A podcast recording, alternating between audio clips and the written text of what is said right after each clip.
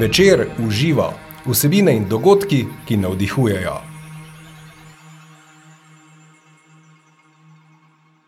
Dobrodošli, dobrodošli v novi epizodi podcasta Večer uživa.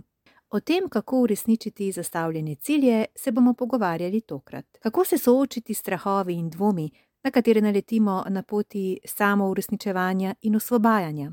Kaj je osvobajanje in zakaj je ključno za to, da živimo polno in izpolnjeno? O vsem tem se bomo pogovarjali z mentorico za osebno rast, Petro Kmetec. Pozdravljeni, zdravo. Zdravo. Uh, Petra, kako ste? Jaz sem super, fino, uh, hvaležna za to povabilo v tale podcast um, in upam, da bomo lahko poslušalkam, gledalkam, gledalcem mhm. povedali nekaj novega, da se bodo lažje uh, odločali za novo leto, kaj narediti naprej. Krasno. Povejte mi, Petra, kaj, vi, vi sicer, uh, novo, zdaj, zdaj leto je še mlado, januar je, še niti na polovici januarja nismo. Uh, povejte mi, Petra, sicer te razne za obljube ali pa postavljanje nekih ciljev okoli novega leta, vam je to blizu, sicer, ali kako vi gledate na to? Te novoletne obljube uh, mi sploh niso blizu, ker enostavno, vsaj kot za obljuba, ne deluje. Ne, mhm. vse, vse te raziskave, ki že mnoga leta um, delajo, in mislim, da tudi naši slovenci, večina se to izvaja v Angliji, v Ameriki. Um, enostavno te razno razne raziskave kažejo, da večino, oziroma 80% ljudi, nekje po dveh tednih, uh, in strava je dala proven en quitting. Day, ne, dan, ko prenehamo z temi zabljubami, ki so ga postavili na 19. januar. Ne, to pomeni, da 80% ljudi ko je 19. januar tukaj, že pozabi na vse to, kar so si vem, 31. 12. zvečer ali pa 1. 1. zaobljubili, to bom pa letos naredil. Ne. In jaz mislim, da ni problem samo v nekih ciljih, v nekih željah, ampak je bolj težava v tem, ker ljudje ne razmislijo dovolj dobro, oziroma ne naredijo prav, pravega cilja. Mhm. Ne, ker cilj je povezan z malo več, kot pa želim shujšati. Ker želim shujšati, želim biti bolj srečna, bolj uspešna, um, želim se bolj zdravo prehranjevati. To ni cilj, ne? to je mhm. ena želja. Okay. Zdaj, kaj, po, kaj pomeni shujšati? Mhm. Ne, je pa že malo bolj m, detaljno usmerjeno. Uh -huh. To pomeni, če želim skušati, se vprašam, okay, koliko želim skušati, dokdaj želim skušati, katere korake bom obrala na poti do tega, da bom prišla do tega cilja. Ne. Nisem neka želja, ki jo pač imamo. Uh, in potem je zelo pomembno še, da imamo. Ko se odločimo za nek cilj, da vse te majhne spremembe, ki jih želimo narediti, ki jih moramo narediti, ker drugače pač bi že ta cilj zdavne dosegli, če bi jih imeli, enostavno nekako vnesemo v naše rutine, v tiste naše navade, ker brez navad, brez rutin, ne hitro tiste stare navade, ki jih imamo, pridajo noter in. Spet se znajdemo 20. januarja, se zbudimo zjutraj in imamo vse tiste stare navade, ki smo jih imeli prej. Pozabimo pa, da smo si želeli malo več meditirati, bolj zdravo jesti, se več gibati, ne? ker enostavno zgodi se življenje. In zdaj, če nimamo utečenih stvari, tako kot je utečeno, da zvečer zjutraj si umijemo zobe po vsaki hrani, se stuširamo, ne, to je vse utečeno. Uh mhm. -huh. Če te nove stvari niso utečene, pač enostavno pridejo noter tiste stvari, ki pa so, recimo brskanje po telefonu, gledanje televizije, uh, ko pridemo zve, vem, iz službe domov, se vležemo na kavč ali poberemo revije ali pa karkoli pač ljudje počnejo. Uh -huh.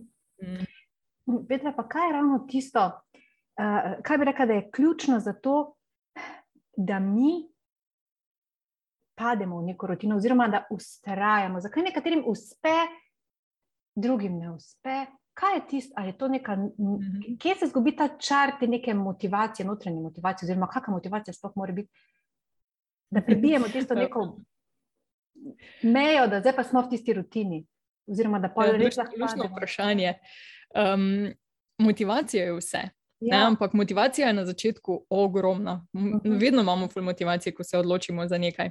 Je pa umetnost, kako to motivacijo vzdrževati. Ne. Poznamo v bistvu tri različne motivatorje. Notranji, zunanji, pa ki je povezan z nekom. Ne. In tisti so ugotovili, so, da naprimer notranji motivatorji, tisti, ki so znotraj nas. Um, ki niso vezani na neke zunanje dosežke, oziroma um, sam želim zaslužiti več denarja, zakaj ne vem, ne? ampak točno vemo, kaj nas motivira.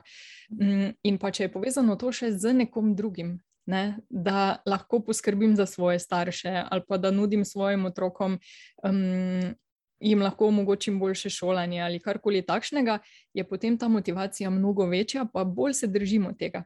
Uh mhm. -huh. Kot pa če smo usmerjeni ali samo na sebe, ali pa na neke zunanje stvari, uh, želim shujšati, zakaj? Zato, da bom boljše izgledala. Uh mhm. Je to ena taka zunanja motivacija, ki pa meni mogoče niti ne predstavlja neke prave motivacije. Ne? Uh mhm. -huh. Ker prava motivacija je, zakaj? Zakaj to želiš? Ne? Zakaj nekdo nekaj želi narediti? In potem jaz jim vedno rečem, mojim strankam, naprimer, ko delate cilje, vprašajte se, kaj želite imeti od tega. Ne, ne samo gledati tistega cilja, ampak vse ostalo. Ne vem, če želim shujšati. Zakaj? Ne? Ali si želim imeti tisto lepo obleko gor poleti, ali biti v kopalkah poleti, ali si želim tudi čez deset let, ko bom stara, še vedno biti fit, ne, ali pa na svoje stara leta, pri 90-ih, še si sama zavezati čevlje in si skuhati večerjo, kosilo. Ne, kaj je potem tista motivacija? Tadaj je treba iti malo globje noter. In potem, ko imajo ljudje motivatorje, ko jih vedo, jaz svetujem, da si jih zapišejo. Ne, tako da si napišemo kot na neke kartice ali pa na ohranjevalnik zaslona uh, motivacijo. Aha, hujšam, zakaj? Ne? Zato, ker želim obleči tisto obleko, zato, ker želim biti ponosna na sebe, zato, ker želim sama sebi dokazati, da zmorem. Um, in potem, ko vsakič, ko pogledamo telefonček in vidimo na ohranjevalniku zaslona, da te moje motivatorje, lažje vztrajamo še en dan ne? in gremo naprej. In tudi, ko pridajo kakšni težji dnevi, kaj ti življenje se zgodi, pa se ne naspimo, ali pa imamo vem, glavo bolj, uh, dobimo gospoda C in nam vse skupaj poruši. Um, ne, se skregamo v službi ali pa s partnerjem, in potem so to vse taki. Zunani, jaz temu rečem, rušilci naših sanj, ker enostavno posvetimo vso pozornost, vso energijo reševanju trenutnega izziva, ki je pred nami, in potem na te stvari uh, na naše cilje, ki so malo pozabimo. Ne? Zdaj, če imamo dobre motivatorje, če nas nekaj ne nehno opominja, da to delaš zaradi tega, ker si to res želiš, je ja. lažje potem priti nazaj. Ja. Pa vztrajati na tej poti. Tudi če smo dva dni zašli, pa dva dni se tega nismo držali, ko vidimo opomnike posod okrog sebe, ne se spomnimo, da to si želim. Pa potem lažje iti nazaj. Ja, mm.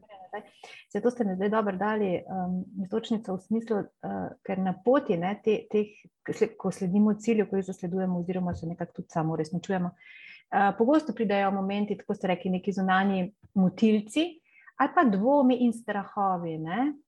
Um, in s tem je tudi treba, smiselno je, no, da, da se z njimi soočamo, oziroma jih presežemo. Kaj vi svetujete? Kako vi to, recimo, osebno počnete? Ko pridejo dvomi, ko pridejo strahovi, se je treba vprašati, kaj nam, pred čem nas tile branijo. Uh -huh.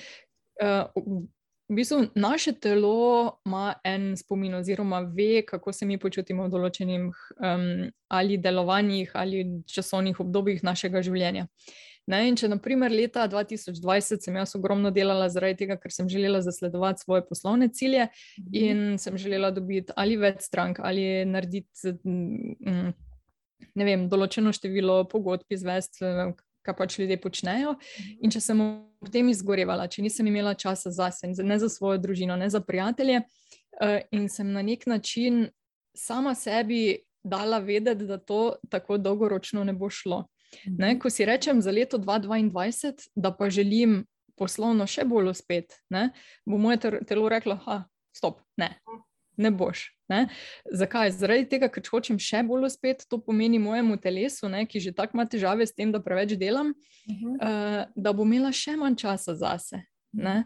In potem se treba tu vprašati, ok, kaj me ščiti zdaj, ta moj ne, ta moj strah, ta, moje, ta moja notranja blokada, zakaj ne morem naprej, ne? pre čem me ščiti. Ne? In običajno pridemo res do tistih globokih stvari, naprimer tukaj, da ne izgorim, da poskrbim zase. Ne? In ko enkrat to usmislimo, ko potem najdemo novo pot, novo strategijo, ker ni vedno nujno, da je več dela pomeni boljšo kariero, ne? lahko samo malo spremenimo način delovanja, pa dosežemo v bistvu enako ali pa še več rezultatov. Teda Mhm. tudi enako pri hujšanju, pri enako pri gibanju, pri vsem. Treba se vprašati, kaj nam ta strah sporoča, pred čem nas ta strah brani, kaj je tisto, kar nam v bistvu naše telo želi s tem, ko nas je strah, ko nečesa ne dosežemo, ko imamo kakšno blokado sporočiti. Tako, poslušati se, Mm. spet pri poslušanju sebe. Ne? Poslušati uh, sebe, ja. Pa to sprejeti. Tako, tako, tako in upoštevati. Ne?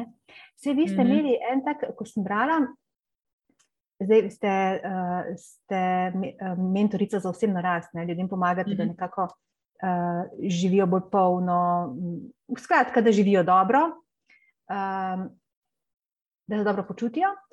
In en tak klic. Oziroma, neke vrste um, budilo, oziroma dramilo ste vi imeli, ko pravite, ne, da ste na to pot samo raziskovanja šli, ko vi ste želeli zelo v okolici ugajati. Ne, in to je verjetno ena največjih napak, ki jo počnemo. Kaj se je zgodilo z vami? Tako bom rekla, je napaka, pa ni napaka. Ne? Aha, Napaka je, kadar imamo notranjo prisilo. okay. To pomeni, da če jaz čutim, jaz sem vredna, jaz sem ok, samo kadar ugajam, to Ja. ni ok. Mhm. ne. Ker potem imam, kadar ne ugajam, občutek, da jaz nisem v redu.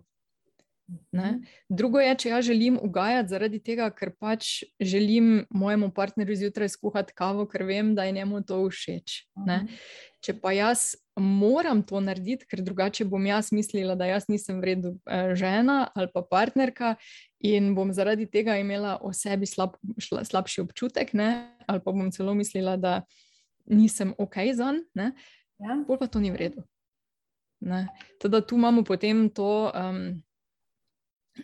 različno, različen pogled na ta ugajanje. Ne. Teda je ok, če mi zavestno rečemo, da želim narediti nekaj za to osebo, je super. Mhm. Če pa moram to narediti za neko osebo, zato da je, imam jaz občutek lastne vrednosti, to pa je potem tisto, kar je pa preveč, ker potem bomo posod ugajali, ne bomo našli tiste zdrave meje. Ne? In nas bo v trgovini nekdo nekaj prosil, pa mu bomo pomagali, pa nas bodo doma nekaj prosili, pa jim bomo pomagali. In enostavno mm, ni konca in ni konca temu. Ne? In se preveč razdajamo, in na koncu resnično nimamo več časa in ne energije zase, za svoje potrebe, se čutimo izpiti, začnemo zameriti ljudem. Ne? Čeprav je na nas tisto, da meje postavimo, da rečemo, gledaj, tu je pač zdaj moj čas, tu Mhm. sem jaz, ne? tu pa je moj čas za vas. Na meje so tiste. Mm. Ja. Veliko govorimo o mejah, postavljajo, tudi pa redko kdo zna, ne? se treba naučiti to. Mm -hmm. V bistvu je treba najti vzorce, zakaj jih ne postavimo. Ne? Ja. Ker zelo lahko je reči, ja, postavi meje. Ne? Ja. Ampak, če imam občutek, ko jaz mejo postavim, pa če ne razrešim tega, kaj mene žene, da te meje ne postavim, se bom vsakič čutila, da nisem ok, če to mejo postavim. Ne? Ker nisem razrešila znotraj sebe tistega notranjega priganjavca, ki me pa žene v to. Ne? Mhm. Imela vedno, ko bom mejo postavila, se bom ali počutila krivo ali slabo, v glavnem, ne, da nisem ok, ne? Mhm. nisem v redu. Treba najprej odkriti vzrok, ga popraviti, Mhm. oziroma preseči, in, Mm -hmm. in pol lahko deluje ta formula postavljanja mej. ne. Mm -hmm. Mm -hmm. Uh, Petra, Ja. zdaj, če se še samo malo vrnemo k tem, ne, zas- k zasledovanju nekih ciljev, oziroma nekih, um, ne vem, ravno za obljub, no, nekih uh, odločitev, ali pa izpolnjevanju nekih, pa ne vem, ravno želja, skratka, da sledimo neki strasti, želji. Uh, veliko krat se tudi oziramo na. Ne upamo narediti nekih ključnih korakov, zato ker si mislimo, kaj bodo pa rekli drugi. In nas na poti do cilja mnenja drugih hromijo. Petra, kak ste vi s tem? Kak presega? Jaz to? vedno rečem, poslušajte sebe. okay. ne.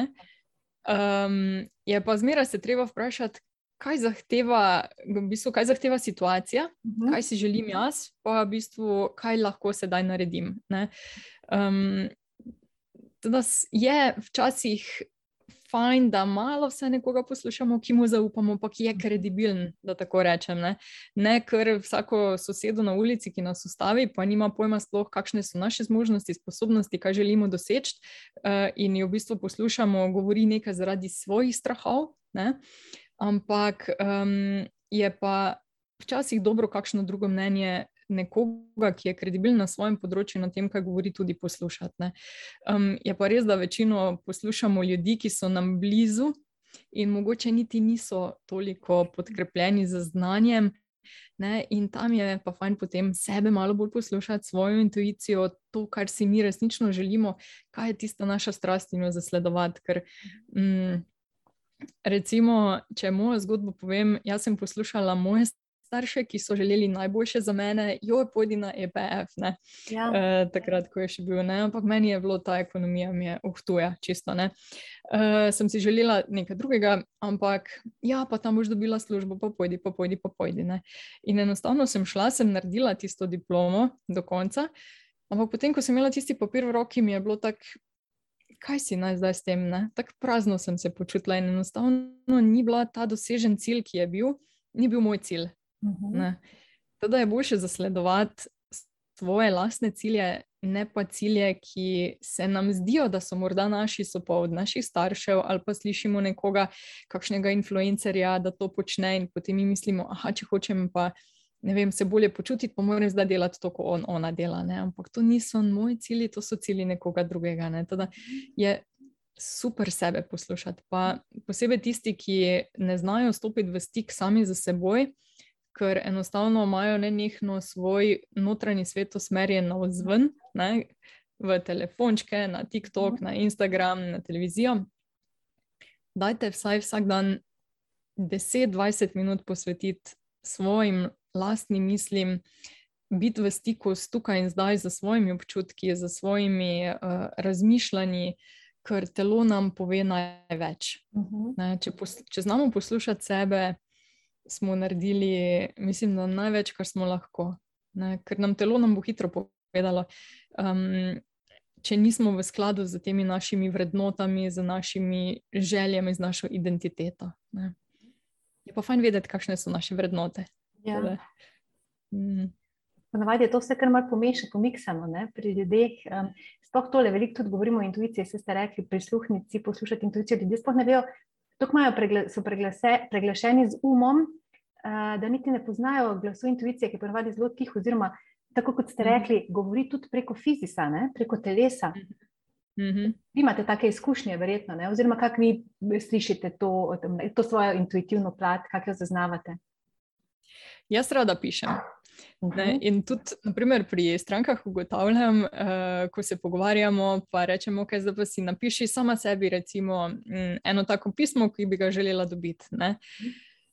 In ko se pogovarjamo, večino z ženskami delam, m, je to vse normalno, pa mi točno povedo, kaj bodo napisali, pa to neko, pa je treba zapisati, pa jih potem vprašam, si zapisala? Ne. Reče, ne, nisem mogla.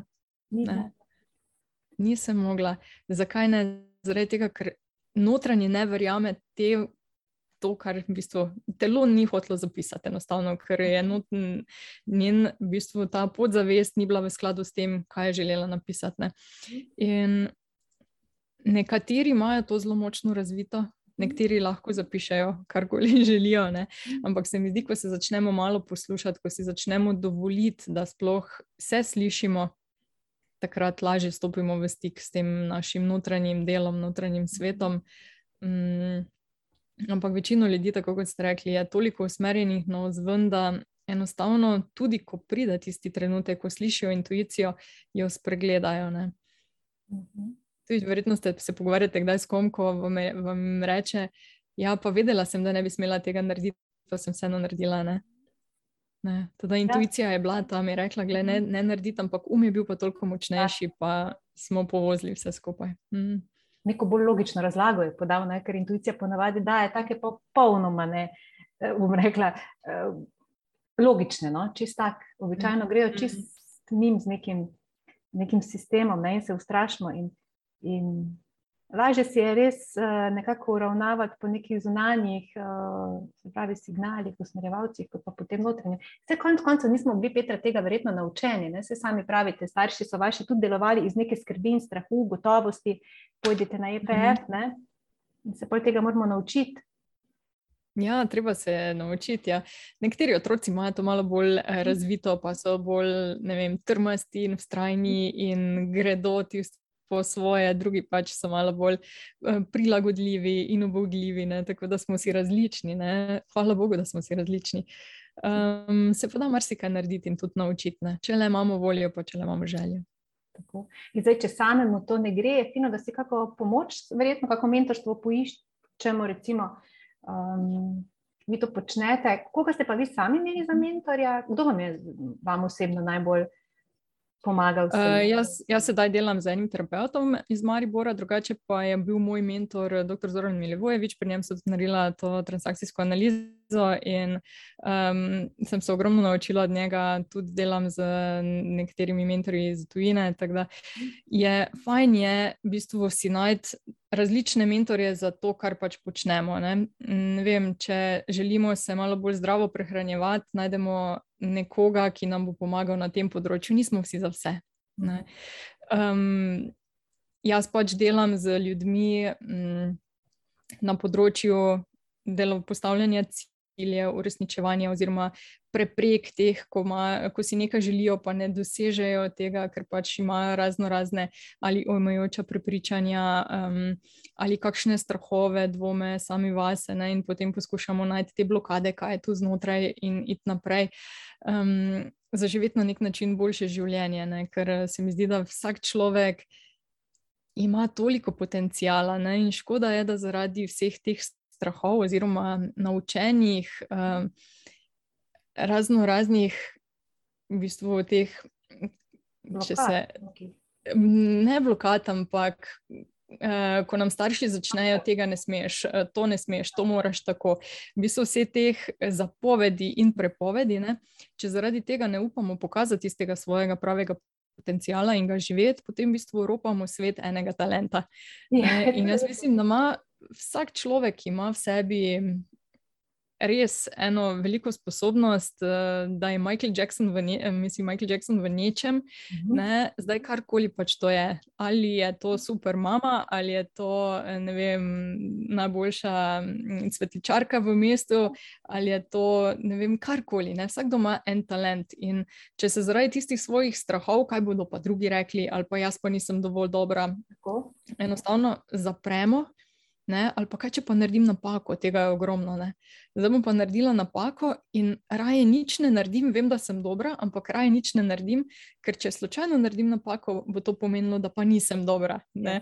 In ko enkrat premagamo to, ko gremo iz tega fiksnega mindseta v ta rastoči mindset, razvijajoč se, se mi zdi, da se začnejo dogajati čudeži, ker si damo dovoljenje. Damo si dovoljenje za napake.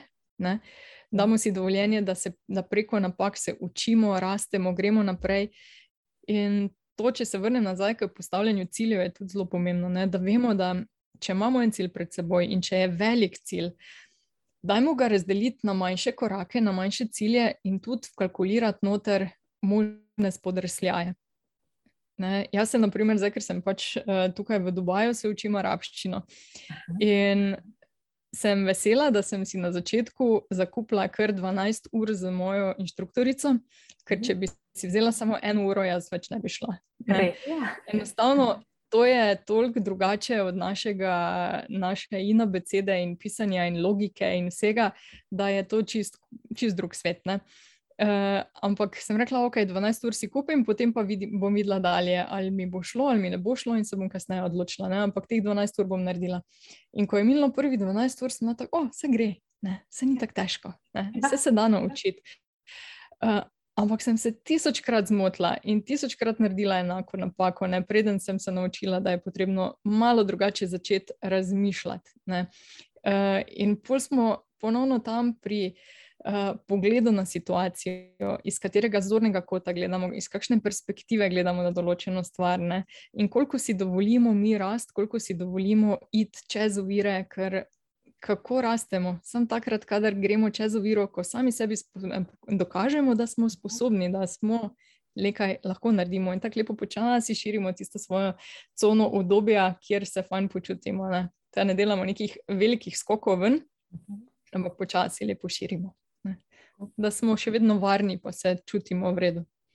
Tako pa nekako tudi, da smo nežni s seboj, da nismo nekako neizprostni in da se ne, ne, ne priganjamo. Tudi to je ključno, do, do sebe znamo biti zelo čehovski, veliko krat. Mm -hmm. Ravno, ker si želimo, da ja. prenesemo poraza, ki sploh kaj je poraz, ne? oziroma neuspeha ne? ali pa kakega spodrsljaja. Do sebe imamo radi dvojna merila. Ja, aha. Katera, kdaj? Ja, recimo se nam kaj zgodi, kaj narobe rečemo, ali pa se kje zmotimo, ali pa recimo čisto taki banalen primer, uh, gremo po ulici, pa se nam spodrsne, pa recimo uh, pademo ne, in se stanemo in gremo dalje. Ja. Sebe potem znamo mučiti še kasneje, ne vem, par ur ali dni, ne, kako se mi je lahko to zgodilo, pa kako sem tako narodna, da ta ta ta ta, tisti naš notranji kritični starš, ko mora biti vse popolno. Če Pa bi se vprašal, mislim, če bi se to zgodilo našim prijateljici, ne bi rekli, pa kaj se sekiraš. Mhm. Vse je ok, pa se noben niti opazil ni. Ne? Ampak do sebe imamo pa čist drugačna merila. Ne? In ja, ko enkrat to začnemo eh, razmišljati o tem in si rečemo, da je vse v redu, tudi tako, in sebe malenkost več vključimo ne vem, transakcijski analizi imamo, eh, ker se kar dosti pogovarjamo o teh eh, notranjem kritičnem staršu, negojočem staršu, notranjem otroku, odraslem. Ne? In ta kritični starš je tisti, ki nas nenehno kritizira, usmerja, to, to smeš, to ne smeš, to moraš tako narediti, ne? ko ima tista stroga pravila. In če bi le večkrat uporabili našega notranjega negojočega starša, ki nas na ljubeč način podpre, pa reče: ok, danes ti ne gre, da je to jutri poskusiti. Ne boš jutri poskusila, pa boš videla jutri, ko boš naspana, spočita, ti bo pa to šlo. Um, in nas na nek način tako nežno, ljubeče potiska naprej, nam daje motivacijo, nam daje upanje, nam daje neko podporo, tisto varno zavetje, v katerem lahko rastemo. Ne? In to si lahko mi sami sebi damo. Ja. Ne rabimo zdaj imeti fizično starša poleg nas, ampak lahko sami sebi podarimo ta uh, notranji motivacijski govor. Odlično. Mm. Odlično, odlični na svetu, tako um, lepo, res, mislim, res, kar, kar dvignejo, navdihujejo z optimizmom. Na, uh, uh, navdihujejo. Ja. Petra, uh, vi ste zdaj, zdaj v Dubaju, zdaj živite, ne? preko smo se mhm. pogovarjali. Mm -hmm. Ta korak je bil verjetno ta odločitev za življenje, kako dolgo že?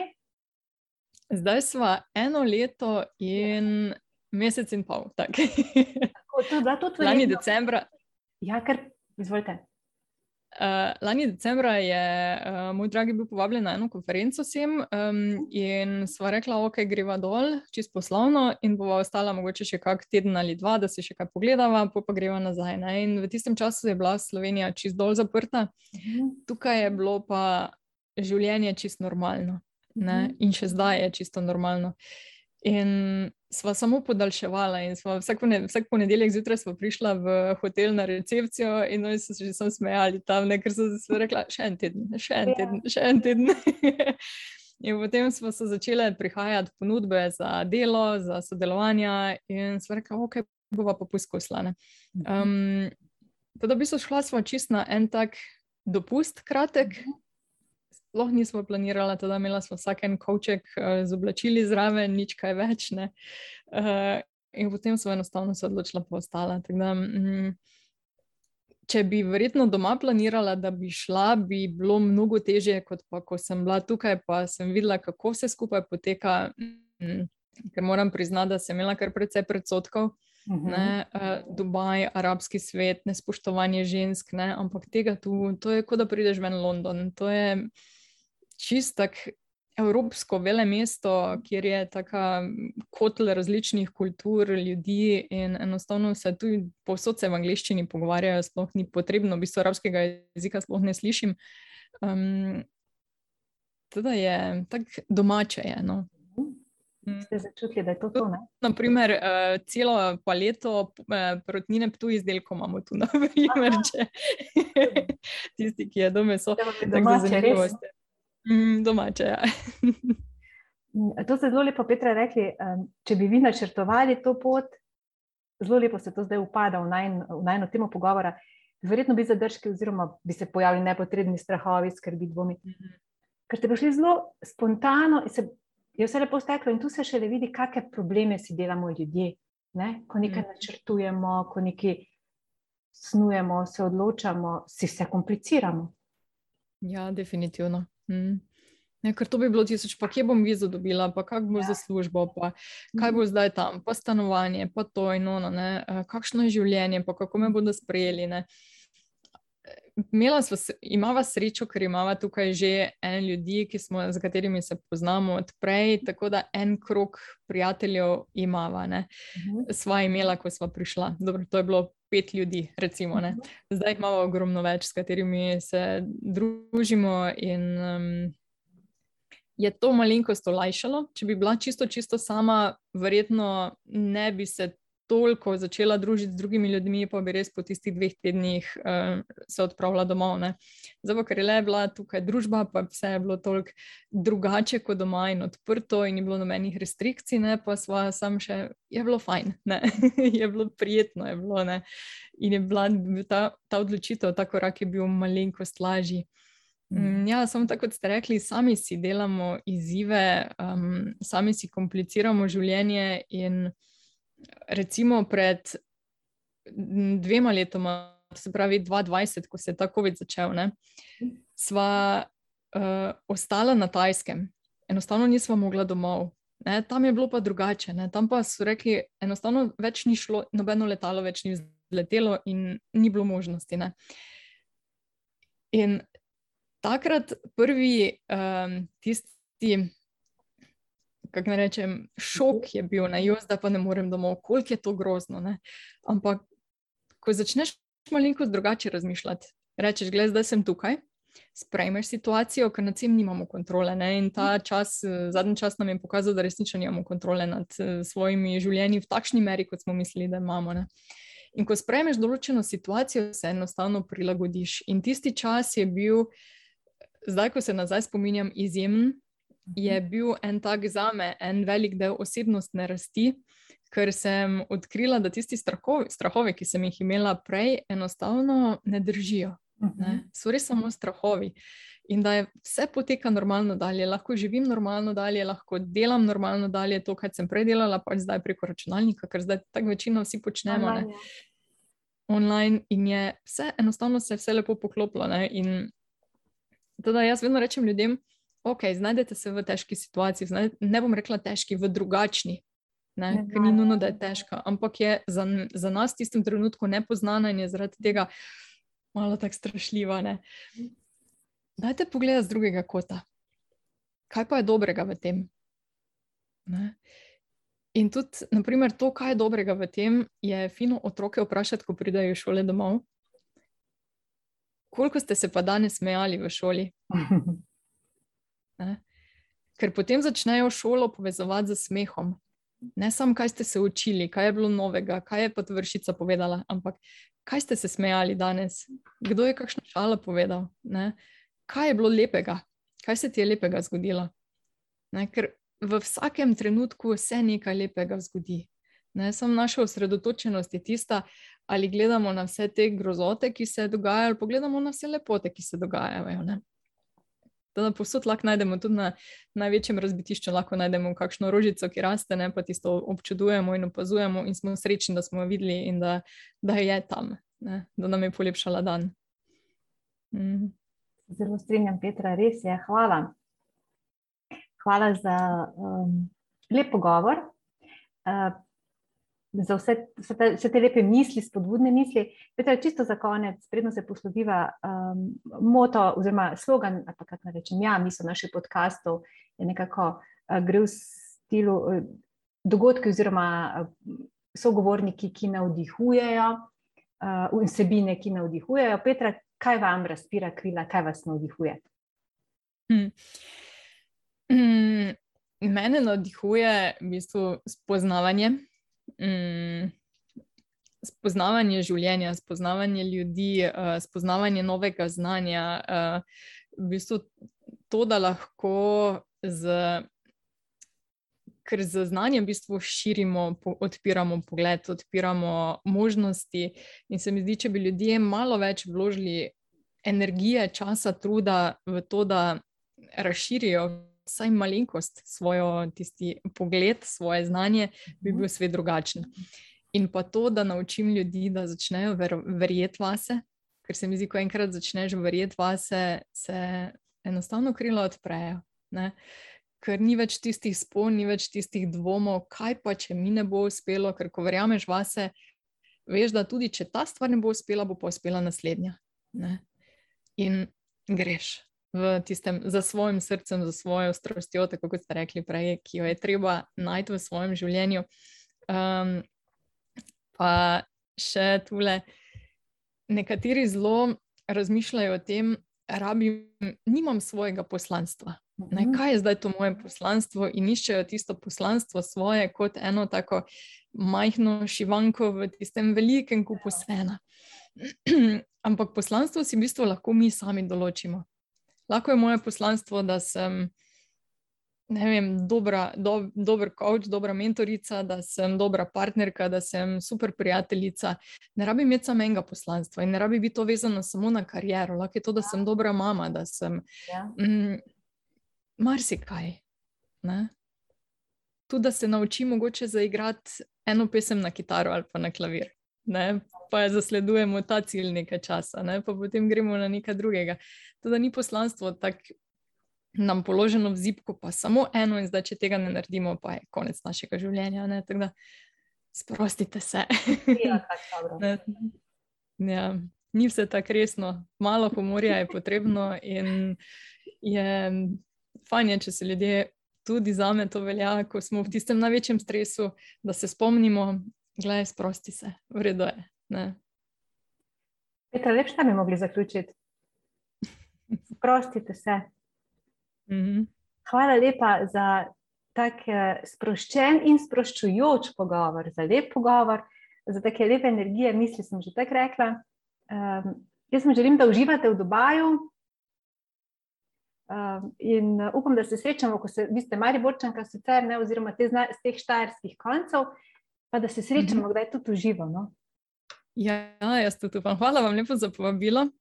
Uh, sem hvaležna, da sem vam dal vaše skupnosti, um, poslušalcem, gledalcem, pa gled, vse dobro. Vse dobro, dajte si dovoliti sanjati, upati in pojdite za tem, kaj si želite. Uh, če pa pridete kaj v Dubaj, pa me pokličite, pocukajte z rokavo, z veseljem grem na kavo z vsakim, ki pride sem, ker mi tako malo mi manjka naša slovenščina, ker se vsemi tukaj angliško pogovarjam in mi je tako fajn se bolj v slovenščini z nekom sesti in se tako lepo pogovarjati v miru. Teda, dobrodošli. Ja, Mhm. mogoče pa celo to, da vam res zgodi zdaj. Uh, Petra, hvala lepa, srečno. Hvala, nasvidenje. Več informacij o podcastih in dogodkih večer v živo najdete na večer.com pošiljnica v živo in na Facebook strani Večer v živo. Tudi tokrat sem bila z vami Maja Furman. Srčno in srečno, dok malu.